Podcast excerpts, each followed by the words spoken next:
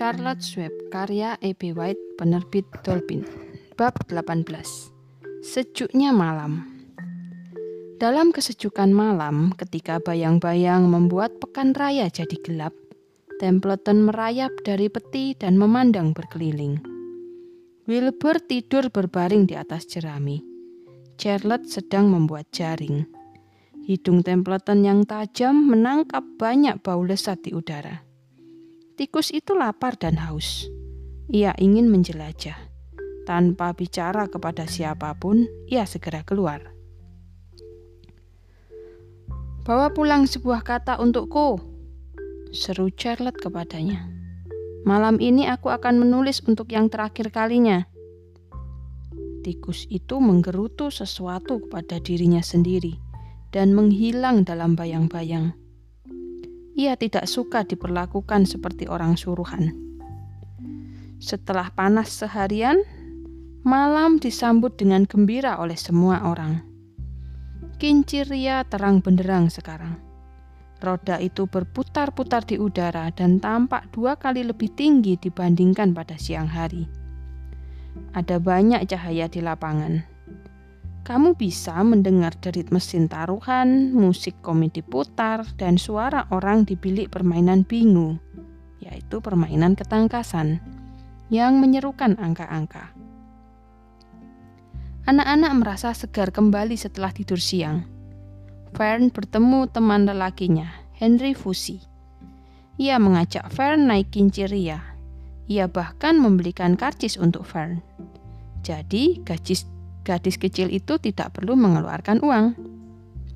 Ketika Bu Arabel kebetulan mendongak ke langit berbintang dan melihat putrinya sedang duduk berdua dengan Henry Fusi dan semakin tinggi dan tinggi ke udara, serta melihat betapa gembiranya Fern, ia hanya menggeleng.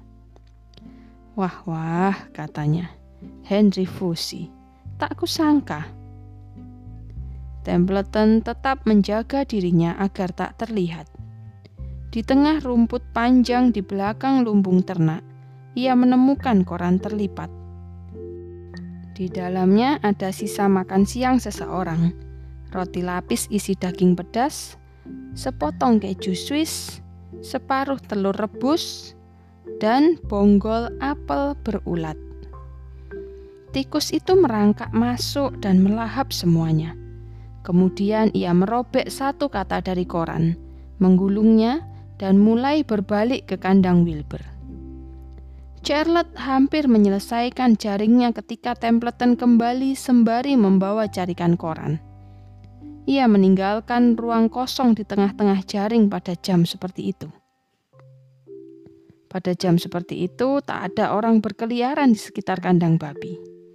Jadi, tikus, laba-laba, dan babi itu hanya bertiga saja. Kuharap kamu membawa kata yang bagus, kata Charlotte. Ini kata terakhir yang akan kutulis. Nih, kata Templeton sambil membuka gulungan kertas. Apa tulisannya? Tanya Charlotte. Kamu harus membacanya untukku. Tulisannya rendah hati, jawab si tikus. Rendah hati, kata Charlotte. Rendah hati punya dua makna, yaitu tidak sombong dan membumi.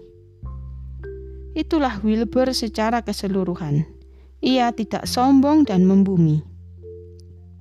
Ya, kuharap kamu puas. Seringai si tikus. Aku tidak mau menghabiskan sisa hidupku dengan mengambil dan membawakan sesuatu.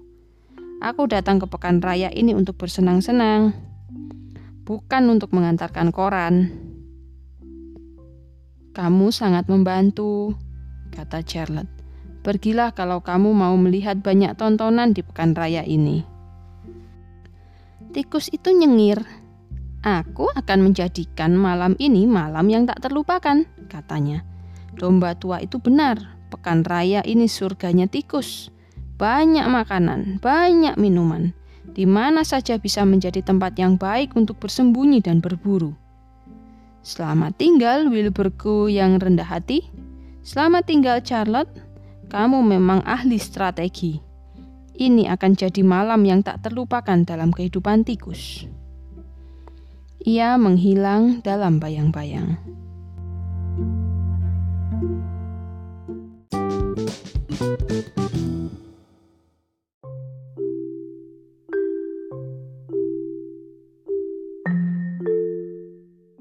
Charlotte Sweb, karya E.B. White, penerbit Dolphin, bab 18, bagian kedua. Charlotte kembali menekuri pekerjaannya. Sekarang sudah sangat gelap. Dari kejauhan, kembang api mulai menyala. Roket meletupkan bola-bola api di langit. Pada saat keluarga Arabel, keluarga Sekerman, dan Lurvi kembali ke panggung utama, Charlotte sudah menyelesaikan jaringnya. Tulisan rendah hati terpintal dengan rapi di tengah-tengah. Tak seorang pun melihatnya di tengah kegelapan. Semua orang merasa letih dan gembira. Fern dan Avery menaiki truk dan berbaring. Mereka menarik selimut Indian untuk menyelimuti tubuh mereka. Lurvi memberikan satu garu penuh jerami segar Pak Arabel menepuk-nepuk bayi itu. Sudah waktunya kami pulang, katanya kepada Wilbur. Sampai jumpa besok. Para orang dewasa menaiki truk dengan perlahan dan Wilbur mendengar mesin di starter, lalu mendengar truk bergerak menjauh dengan kecepatan rendah. Ia akan merasa kesepian dan merindukan kandangnya kalau tidak ada Charlotte yang menemaninya di sini. Ia tak pernah merasa kesepian saat laba-laba itu berada di dekatnya. Di kejauhan, ia masih bisa mendengar musik komedi putar. Menjelang tidur, ia berbicara kepada Charlotte. Nyanyikan lagu Nina Bobo itu, yang tentang kegelapan itu. Ia memohon. Tidak bisa malam ini, kata Charlotte dengan suara rendah. Aku terlalu capek. Suaranya tidak terdengar muncul dari jaringnya. "Kamu di mana?" tanya Wilbur. "Aku tidak bisa melihatmu. Apa kamu di jaringmu?" "Aku di atas sini," jawabnya. "Di sudut belakang sini." "Kenapa kamu tidak di jaringmu?" tanya Wilbur. "Kamu hampir tidak pernah meninggalkan jaringmu."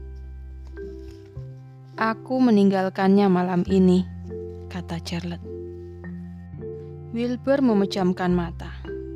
Charlotte, katanya setelah beberapa saat. Apakah menurutmu Superman akan membiarkan aku hidup dan tidak menyembelihku pada musim dingin tiba? Apa kamu yakin? Tentu saja, kata Charlotte. Kamu babi terkenal dan kamu babi yang baik. Besok kamu mungkin akan mendapat hadiah. Seluruh dunia akan mendengar kisah tentang dirimu. Sekerman akan merasa bangga dan senang memiliki babi seperti kamu. Tidak ada yang perlu dikhawatirkan. Wilbur, tidak ada yang perlu dikhawatirkan. Mungkin kamu akan hidup selamanya. Siapa tahu? Sekarang tidurlah. Tidak ada suara barang sejenak. Lalu Wilbur memecah keheningan. Sedang apa kamu di atas sana, Charlotte? Oh, membuat sesuatu, katanya. Membuat sesuatu seperti biasa. Apa itu maksudku? Tanya Wilbur. Bukan, kata Charlotte. Kali ini sesuatu itu untukku. Kumohon, katakanlah padaku, apa itu? Pinta Wilbur. Nanti ku ceritakan besok pagi, katanya.